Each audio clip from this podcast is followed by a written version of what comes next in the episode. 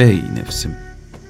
İki şey vardır ki bunlar Allah'ın kullarına olan büyük ihsanlarıdır. Bir marifetullah, iki muhabbetullah.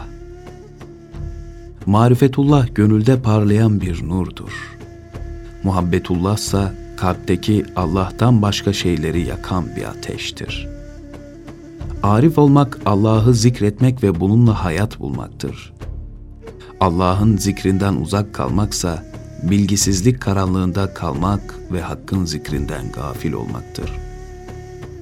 Marifetullah her şeyde Allahü Zülcelal'in azamet ve kudretini bulmak, bütün hallerde hareket ve kuvvetten uzak kalmak, masivayı terk etmek, kalple hakkın huzurunda kalmaktır.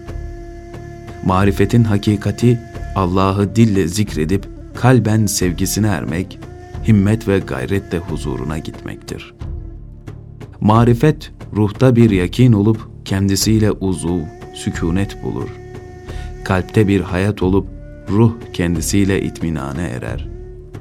Elde edilmesi Cenab-ı Hakk'ın bildirmesiyle olur.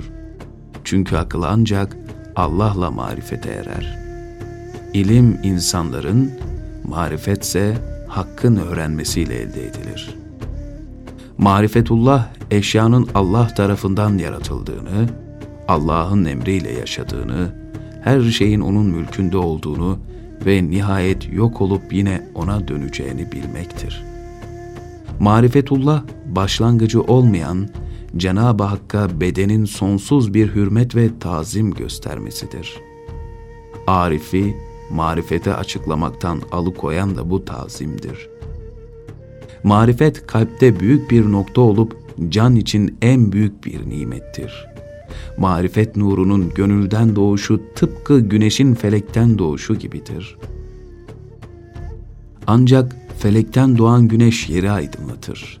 Gönülden doğan marifet güneşinin nuruysa arşa yükselir. Marifetullah gönül alemindeki güneş, akıl ay ilminde yıldızlar gibidir.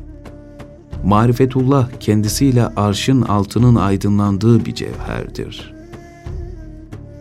Marifetullah'la benlik taslamak, kendini diğer insanlardan üstün görmek ve nefsin isteklerine tabi olmak kul için manevi bir yıkılış ve şekavet, marifet denizine dalıp hakikat nuruyla yok olmaksa ebedi saadeti bulmaktır.''